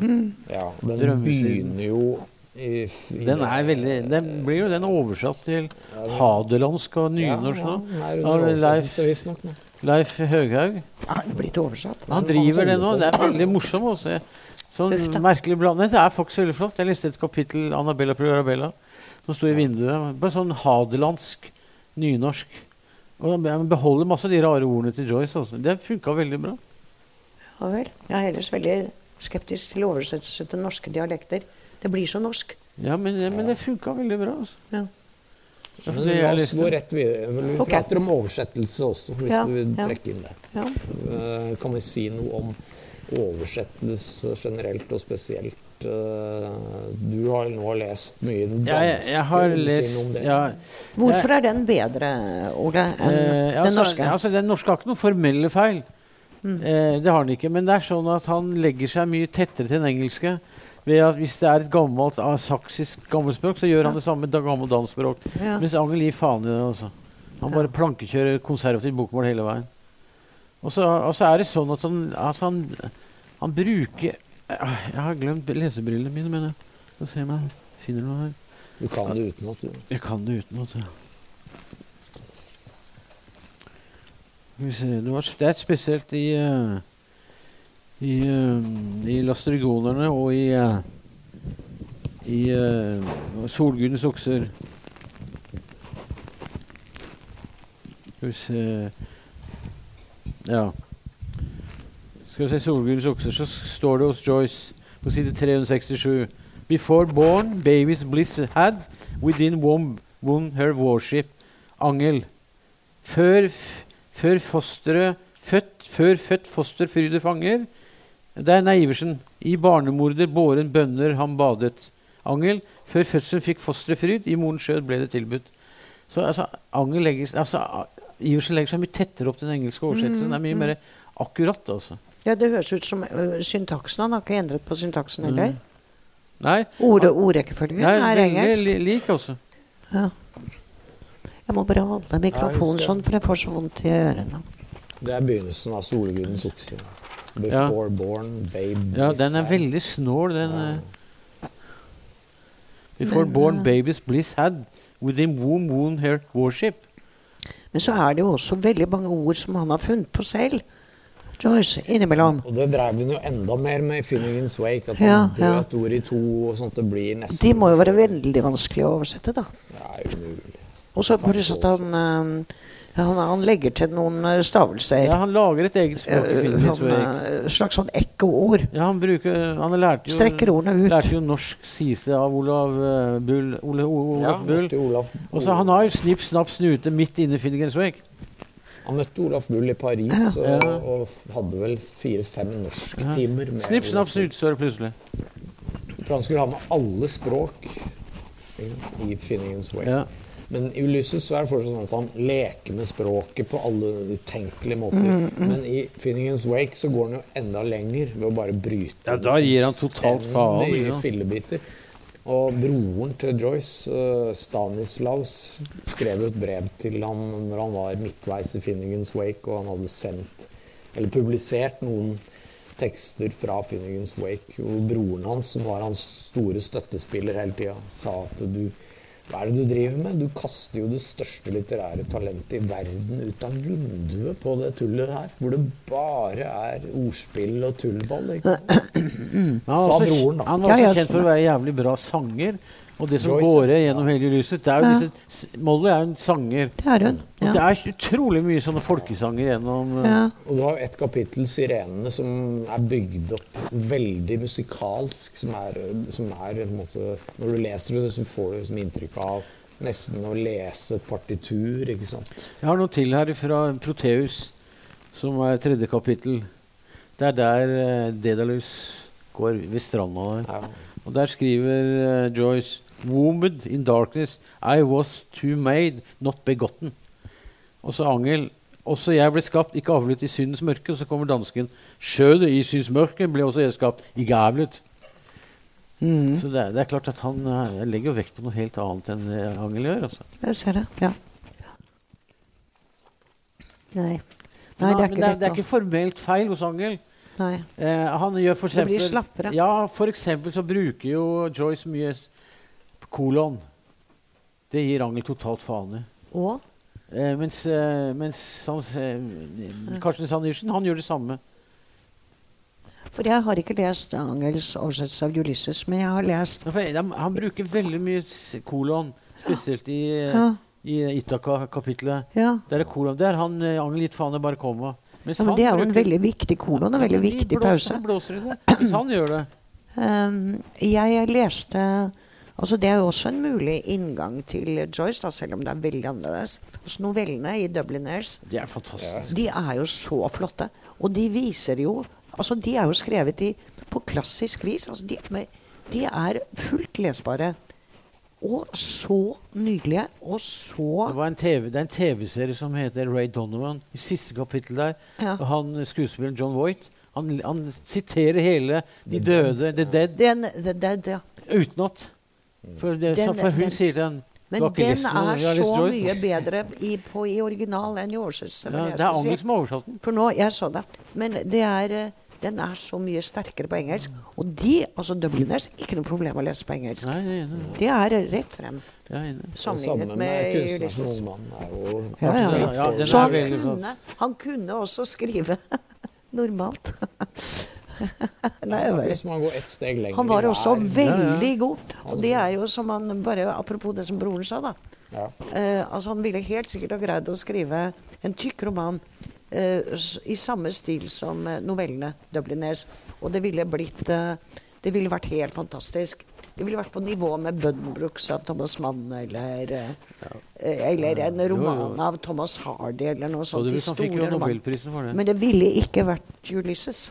Og det var jo det han ville. Han visste at han kunne visste skrive hva som skulle til for å normalt. skrive en flott bok. Han visste at han kunne. det er jo dette her som er mesterverket. Jeg syns ikke Finnegens Wake er mesterverket. Det er dette her som er mesterverket. Det er jo et kapittel, Navsika, hvor han har en parodi på eh, de bestselgende romantiske romanene. ikke sant? Så Språket er veldig Følger etter. Gertie McDonald. Ja, språket er veldig de er svulstig, og det er solnedganger. Og, så hele kapittelet er en parodi Der han runker på stranda. Blir Ja, der våt han på runker på stranda. Det er jo Navsika det er en altså, når- Dysef blir slått, skipet blir slått pinneved av, eh, av Poseidon, så kommer han til en øy. Hvor en, Navsika er en jente som finner den på en øy. Og, er der han begynner å fortelle. Og der er han naken. Og hun er Han går naken. na- Nei, Ja, han, er naken. og så, så har Joyce brukt Navsika som han forfølger etter Gert McDowell. Ops, hun halter. Ja. Den pene jenta har en Og hun halter. Så følger han etter henne, og så blir hun kåt, da. Men eh, det parallellene er jo veldig morsomme. Så hvis du leser Jeg leser jo parallelt med det, eller gjorde med Odysseen, selvfølgelig. Mm, jeg skjønner. Ja. Ja, det, man får mye ut av det å lese det parallelt, syns jeg. En digresjon der som jeg kom på i stad, var at eh, den første norske bokmålsutgaven av Odysseen ble faktisk oversatt av en som heter Peter Østby, som bodde i Drammen når han oversatte. Ja, Det er den jeg har. Den leser jeg. Den er Den er vidunderlig. veldig bra. Men han bodde i Drammen fra 1910 til Garborg er før.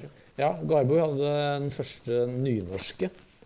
Men den første bokmålsutgaven ble gitt ut, så vidt jeg husker, i 1922. 1922, ja. Men kommer en ny nå? Ja. Men den ble altså da oversatt av en, dram, oversatt, en fyr i? Drammen. Det er det som er litt det da, Drammen var poenget her. Drammen var poenget her. At han Jo, jo. Sier, han var rektor på latinskolen. Ja, men det er en fantastisk oversett. Og, og, og den, Jeg eh, elsker den. altså Jeg kan den utenat. Iliaden også er veldig flott. Også. Han oversatte Ja. Iliaden, kom ut i 1920, så vidt jeg husker, og Odysseen i 1922. Jeg skjønner ikke, skjønner ikke hvorfor de skal oversette Jo, jeg kan skjønne at de oversetter på nytt igjen, men Nei, jeg syns den holder seg den holder seg Den er bedre enn den nye. Jeg har bare lest noen linjer og jeg har glemt hvem som har gjort det òg.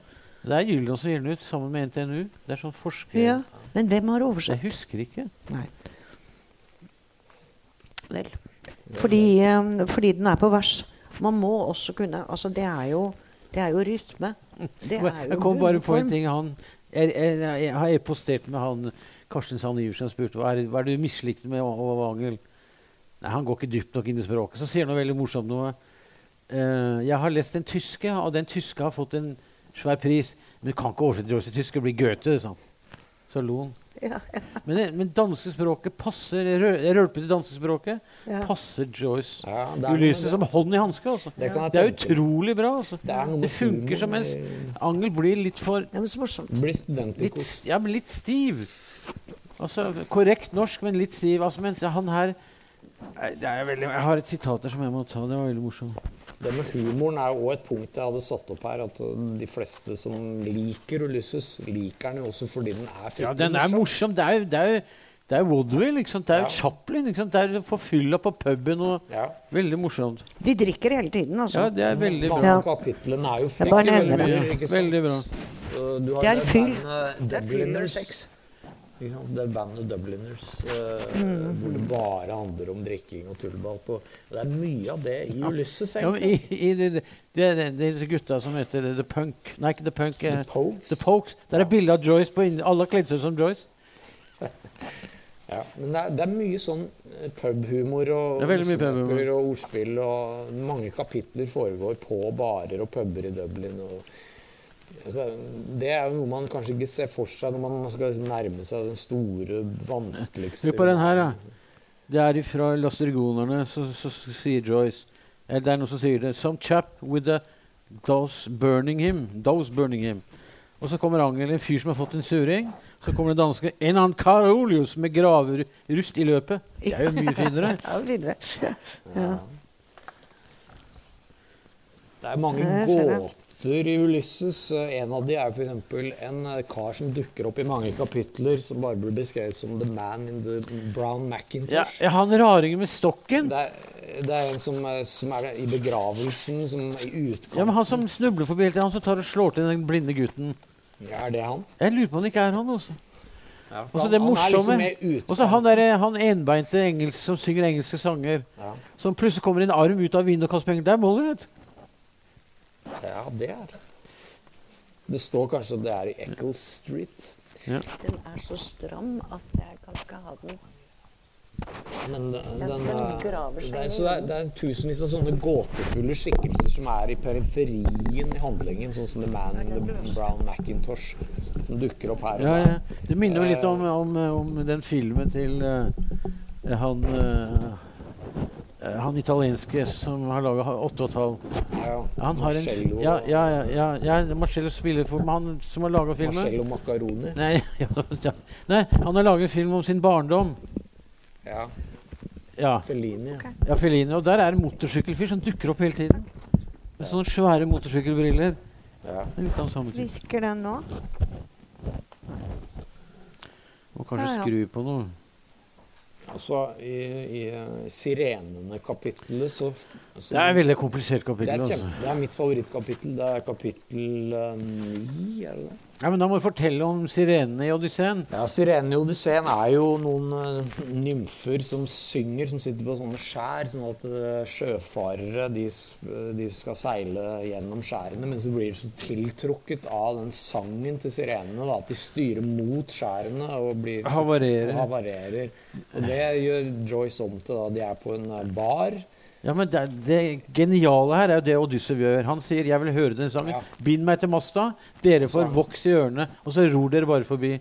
Så får jeg høre den vakre sangen. Ikke slipp meg løs. Ja. Altså, Det er det bare å tenke sånn er jo så utrolig smart, altså. Han var jo smart. Odysseus, Ja, mener det jeg. står, han var Han så smart, at- han var så smart at til og med gudene kunne ikke trenge inn i hjernen hans. Men det er en forskjell kanskje på Odysseus og Bloom. At Odysseus er snarrådig, slu. Ja. Bloom er ikke slu. og Han fant opp den trojanske hesten òg, vet du. Ja. Det var Odyssev, det.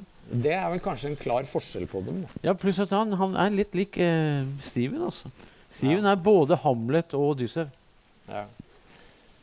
Eh, Men hvor var jeg? Sirenekapittelet. ja. eh, som er mitt favorittkapittel. Det er ekstremt musikalsk. eh, Er det der hvor bare jentene det er de barejentene. Det er de barjentene, eh, ja. som uh, man får på en måte inntrykk av at de er sirenene, og som sitter på hvert sitt uh... De snakker om de mennene som tror de er noe. ja. Det er metoo. Litt tidlig ute, men Men, men uh, der er det hele tida en lyd som går igjen. Tipp, tipp, tipp. Mellom Ja, dialogene. stemmer det. Så ser du plutselig at det står 'tipp', og så skjønner du ingenting. Før i slutten av kapitlet så er det da en blind mann som har gått mot Med puben stokken, ja. Med stokken. Tipp, tipp. Det er lyden av stokken hans. Altså, i, Det skjønner du først på den siste setningen. Så står det da en blind mann kom inn, for han skal stemme piano. ikke sant? Det er riktig. Og der er det noen som sier at det er Homer. Ja, han han var også blind. ikke Den blinde han sanger. kommer inn i midtveis i Ulysses for å stemme piano. Og, og for å sånn ja, Det er noen underlige greier der. Og så heter det U, upp, upp. Er det oversatt med det? Nei. Ja. Det er i det, er Nei, nei, nei, ja. men i, i, i, i, um, i uh, Calypso-greiene så kommer det Alf Bergan. Norsk Ja. navn. Alf Bergan. Ja, Kom med brevet Ja, fra han. om sånn fyr som skal tilby seg å henge en fyr. Og så står det plutselig UP, UP, Upp-kolon-up Så jeg skjønner hva det er. Hva er det for noe? Så er det noe som mener at det handler om sprit. Altså det er, man kan drikke så mye. Så er det andre som mener at det er et brev. Altså Det er ingen som vet hva det er for noe. Altså Boka er full av sånne rare greier. Masse sånne små gåter hele tida. Og jo mer du setter deg inn, jo mer gåter er som åpner seg. Og det er noe av det morsomme med å, å bruke sånn som jeg. Jeg har brukt 20 år på det. Ja, man trenger jo ikke så mange andre bøker. Man gjør egentlig ikke det. Hvis man har Prost og Joyce, så, Ikke så er det nok. Prost og Joyce. Så det er, da slipper man å fylle hus med bøker. Ja, Det er jo noe herk. det er plassbesparende. Altså. ja, ja, Det er det. ja. ja. Nei, men jeg mener det. Men du har vel Penelope som ditt Har du et favorittkapittel? Jeg har Sirene. Ja, jeg tror jeg har uh, Itaka og, og Calypso. Og, og, og når han går etter han, er han, skulle, han lærer en gutt matematikk, så sier han med matematikk kan jeg bevise at Hamlets bestefar er spøkelse. Ja, der kommer en Hamlet. uh... Den går langs stranda her. ja, det er Protevs. Ja, Proteus, det er fantastisk. Jeg har til og med gått langs den stranda der sjøl sammen med Jan Kjærstad. Ja, det Protevs. tenkte jeg også skulle komme tilbake til. Ja, men det er Prote, Proteus er han som forandrer form hele Ja, han forandrer Ja. form. Det er det tredje kapittelet. Um, men vi haster videre til um, Martin, var det noe mer øl å få, eller? Jeg ble så kjærslig tørst. Vi haster videre til arvtakerne etter Joyce. Hvis man liksom ser på litteraturhistorien etter Joyce, om det er noen som er klare arvtakere. Beckett, Samuel Beckett var jo sekretæren hans eller noe lignende en periode. Som åpenbart har arva noe av det vaudeville-aktige spill-opp-greiene. Hadde Joyce levd videre, så hadde han skrevet så enkelt som Beckett, tror jeg. Altså. Ja. Så det var jo tøft, det for Beckett. Altså. Se her, ja. Så flott. Tusen takk. Mhm. Hvordan skiller Samuel Beckett seg fra Joyce? Begge var irrer. Ja, begge veldig Ja, men, det, men, skolerte. men de er jo så forskjellige. Veldig skolert, begge to. Altså, nei, altså Jeg syns er Beckett er jo mer sånn intellektuell akademiker. Absolutt. Og det var jo ikke Joyce. Han er mer fransk. Han bodde Kommer du med det franskgreiene? Jo, jo, men han begynte jo å skrive på fransk. Jo, men han var jo irsk. Noe, det, noe av det første Samuel Beckett gjorde, var å Oi, skrive det Tusen er takk. skikkelig. Og det var, Var det vann, eller var det vin? det er visst vin. Noe av det første Beckett gjorde, var å skrive en bok som heter er Prost. han usikker, men. Det, Hvis Jesus er her, så kan han gjøre vann til vin. da. Ja. hva var det? Var det ikke vin? Det var vann. Han hørte feil. Eh, jo, han skrev en bok Først Beckett skrev, ja. Ja. Det var en bok om. Prost. ja Kom han før skrev en diktsamling Horoscope, men han Det er kanskje det beste han har gjort. Jeg synes Det minner veldig er om Tidens T.S. Du liker ikke de romanene Jeg syns de romanene er dritkjedelige. Ja. Romanene til Beckett, ja. Ja. Ja, ja, ja. Jeg syns det er, de er kjempekjedelige. det er, det er med Godot han virkelig slår gjennom. Se, der kom igjennom, den, Det var litt jeg mindre. Jeg syns jo den un, unevnelige Det unevnelige har jeg kjempeproblemer med. Jeg syns det er dritkjedelig. Altså. Ja, den er hard. Ja, altså, jeg må innrømme, jeg kom bare halvveis. Jeg orka ikke mer, jeg. Livet er kort, tenkte jeg. Altså Beckets romaner. Men skuespillene, jeg jeg jeg- elsker dem. Ja, de er fine. Men jeg, jeg, jeg, så favorittskuespill er Krapp siste spor. Ja, det er Det fantastisk. syns jeg er hans. Ja. ja, Ja, det men det er jo skuespill, det òg. Jo, men jeg var så nå på, det norske, nei, på Nationaltheatret, så så jeg med på Godot av Hans Ein Winge. Da skjønte jeg at uh, Beckett var Det var ikke mer. Det var jævlig dårlig. Da, da skjønte du at det Hva var, var det, hvilket stykke var det? Mens vi venter på Godot. Ja, Med Toralf Maurstad og, og han eh, Ja, ja, Espen men da Schønberg. ikke Schønberg spilte kanon, men Toralf Maurstad kan du ikke spille. Men, eh, men det er, siste spole. ja, det er, ja, det Den er er kanon. Roy, nei, Andersson. Han, eh, Bjarne Andersson.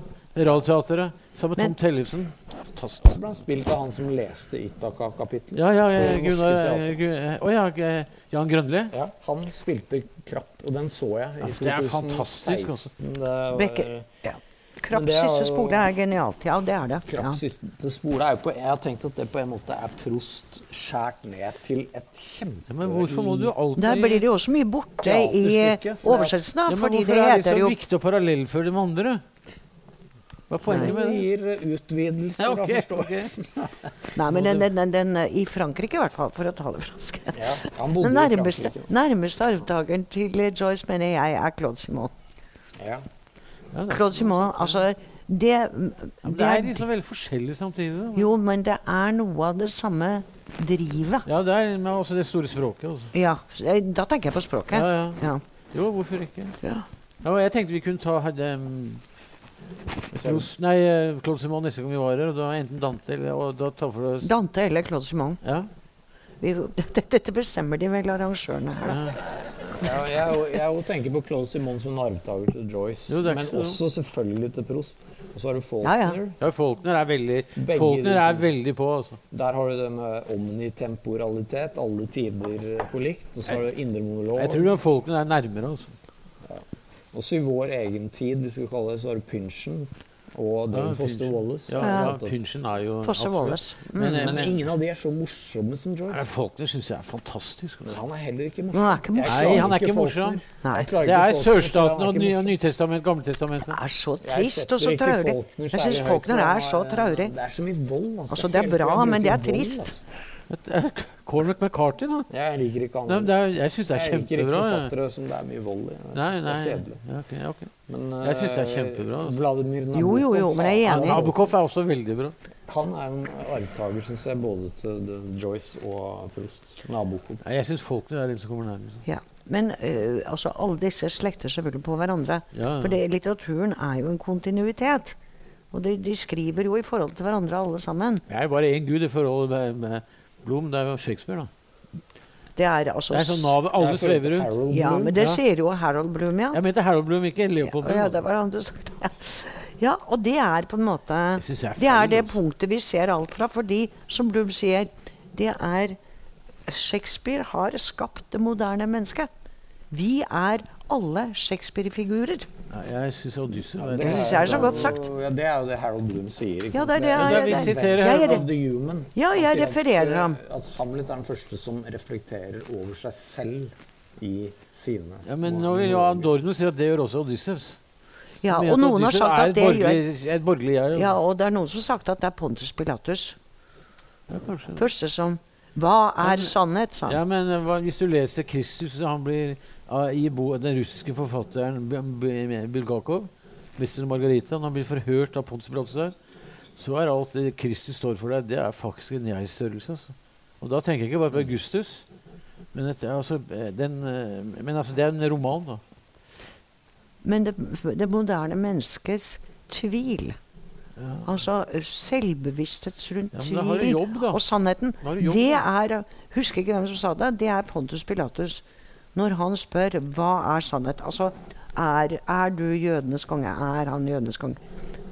Hva er sannhet? Og så vasker han hendene. Jo, jo. Hvorfor ikke? Auerbach, som vi snakket om tidligere, i Mimesis, han setter jo Bibelen mye høyere enn eh, Homer.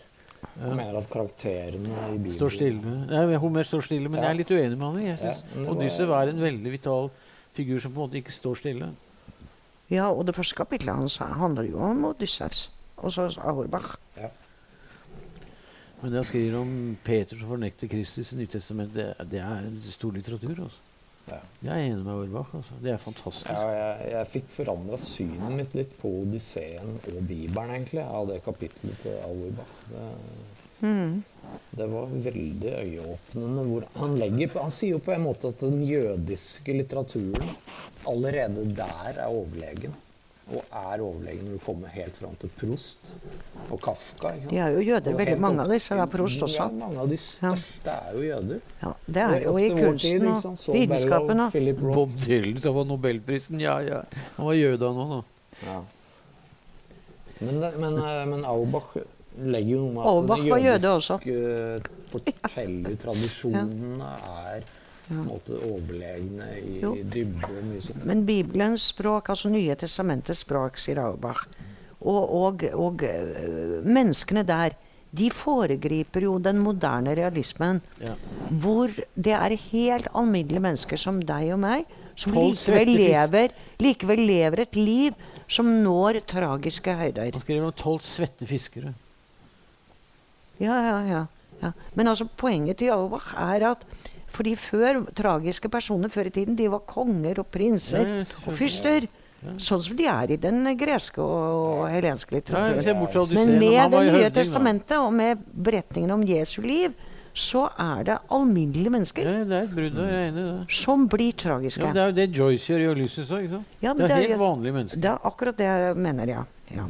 ja eller Aubach mener, da. ja, ikke vanlig, da, men tilsynelatende Jo, Men jeg er enig med men det er sånne vi kan identifisere oss med. ikke sant? Mens vi ikke kan identifisere oss på samme måte med en halvgud. Konge halv- En, en konge og en halvgud Ja. fra antikken. Ikke på samme måte, da. Kommer litt an på hva det er Noe av det sentrale i. Ulysses, for å komme tilbake til at det er jo hverdag. Det er jo helt vanlige mennesker. Bloom, hovedpersonen, er jo annonseselger. Og, og Jeg er litt av en kunstner nå, da. ja, det blikket ikke sant, og det, det, sansningen hans. Og men uh, til Joyce i samtidslitteraturen uh, Jeg vet ikke om vi gidder vi å gå inn på Knausgård. Å, oh, nei. vi- Nei, jeg orker ikke. Nei, jeg orker Nei. ikke.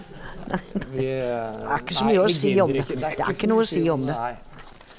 Nei, det er ikke Det Men, har det egentlig ikke noe med Det som er overraskende meg, det er at Solstad er så jævlig glad i Prost. og snakker aldri om Joyce. Altså. Nei, han har jo er, at han, han, har ikke lest den, da. Han Ja. har ikke lest Ulysses. Han er veldig lite belest, altså.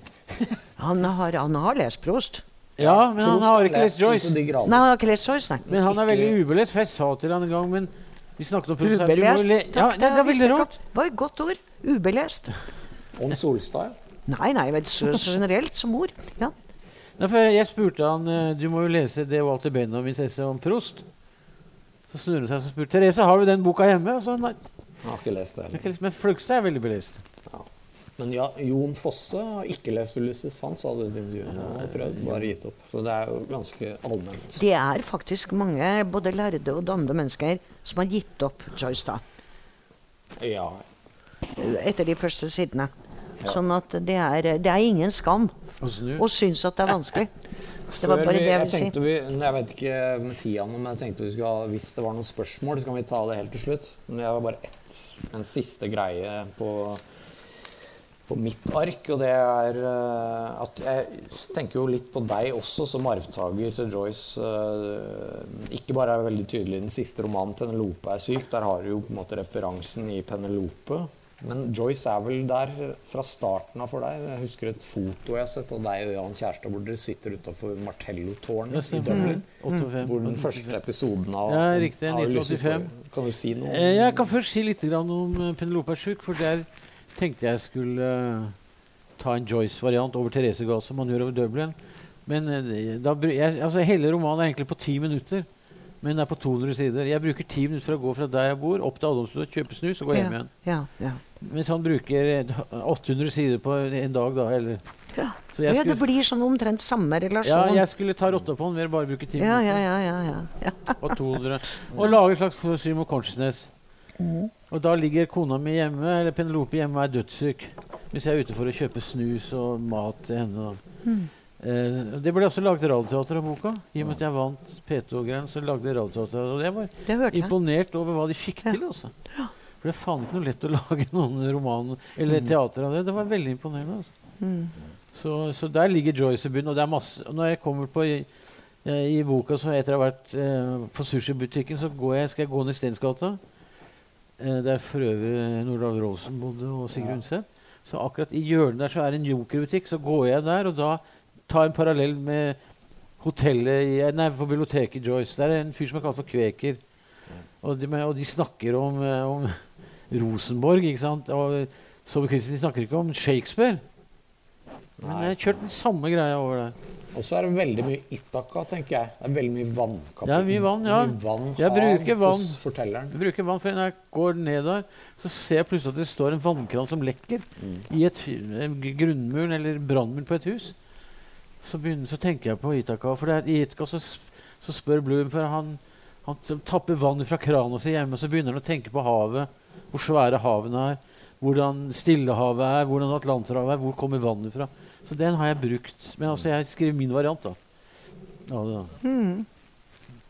Men det var på en måte Joyce-påvirkningen var der veldig sterkt fra begynnelsen av ditt forfatterskap. Og det, det kan man jo, hvis man ser norsk litteraturhistorie fra 60-70-tallet, så hadde du profilgenerasjonen.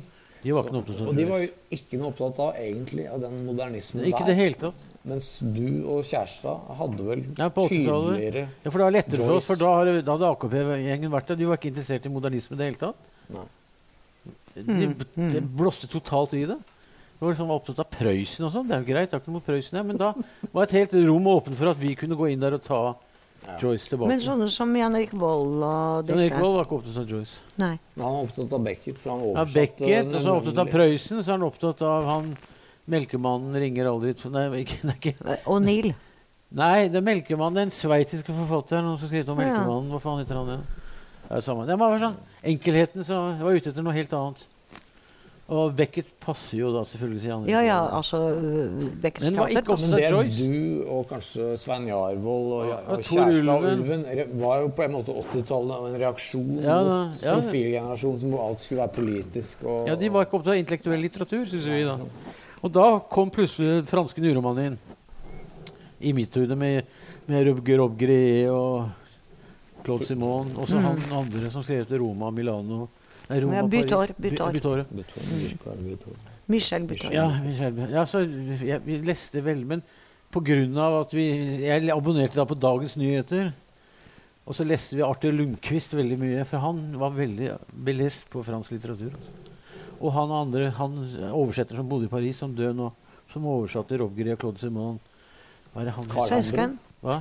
Carl Hammer. Nei, han norske, det er han svenske. Ja. Som, som oversatte Han oversatte fra fransk og bodde Og var det han Paris. som var agent også? Ja. Jeg traff han på Han heter noe på B. Vent Jeg litt. traff han på Gordon Hølmbak sin eh, 70-årsdag eller 80-årsdag på Vitenskapsakademiet. Da var han der. Så spurte han om Horas Egne og Profilgjengen. og- Nei, ikke Profil, men eh, Chris-gjengen. da. Ja. Faen heter han? Bjurstrøm. Bjurstrøm, det var B. Ja, det er vel Ja, Bjurstrøm. jeg det. Ja, han, for han på kunne jo alt det der, vet Ja. du. Han har oversatt så Absolutt. mye. Ja. Altså. Og det er gode oversettelser. Ja, det tror jeg. tror jeg. Men Hambros oversettelse av Historia Klodsom, den, den, den står. Den syns jeg er glimrende. sånn er god. Eller, Mm, Kari. Kari Holter har jo oversatt en del. Ja, Men, eh, men jeg vet ikke hva hun syns om det eh, han eh, har gjort. Altså, det vet jeg ikke. Det, Og Verden Flandern er også jævlig Det er en fantastisk bok. Altså. Ja. Den svære hesten som dør i den søla der. Men det er også lyst til å snakke om en annen bok. Og det er han eh, Kaos Eller Krise, heter han vel. Eh, han eh, Hva heter han? Eh, vent, da. Eh, han har et pseudonym. var- Det er en, en utrolig bra bok. Den heter Ka Krise Hvor er han fra? Han er fra Italia. Historien er sånn. Han var italiensk fascistisk journalist. Han fulgte med tyske felttog i Ukraina. Og så er, med bil. Så overnatter han i et hus som er tomt, og så viser det seg at det ligger en død hest utenfor soverommet. Så, og så kommer han til Når Polen. var dette, sa du? Det her er, 19, det er skrevet i 1943. Okay. Etter t- tyske felttog. Han Ja, er journalist. Ja. en- eh, Malaparte, helt riktig. Det er en fantastisk bok, altså. Malaparte. Den Ja. heter 'Kaos' eller Hva heter den? Ja, men ah, Det interessante her Der har Kjartan Fløgstad faktisk rett. Når han treffer generalkonsulen i Polen etter de har, de har tatt Polen, så er det snobbete nazister som hater jøder som spiller Chopin. Og så har han skrevet en bok som, hvor han beskriver at Hitler er et kvinnfolk. Så sitter Gestapo-sjefen og ser på han.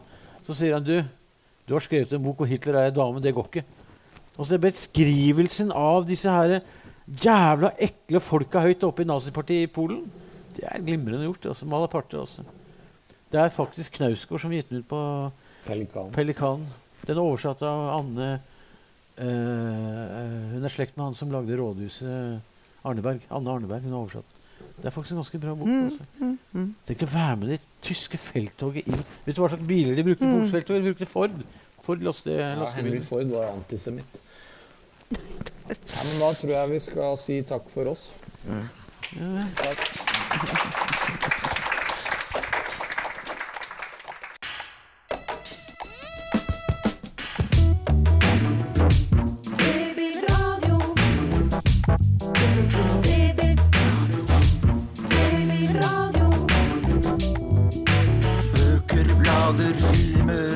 Aviser. Bilder, data, spill, musikk og nett.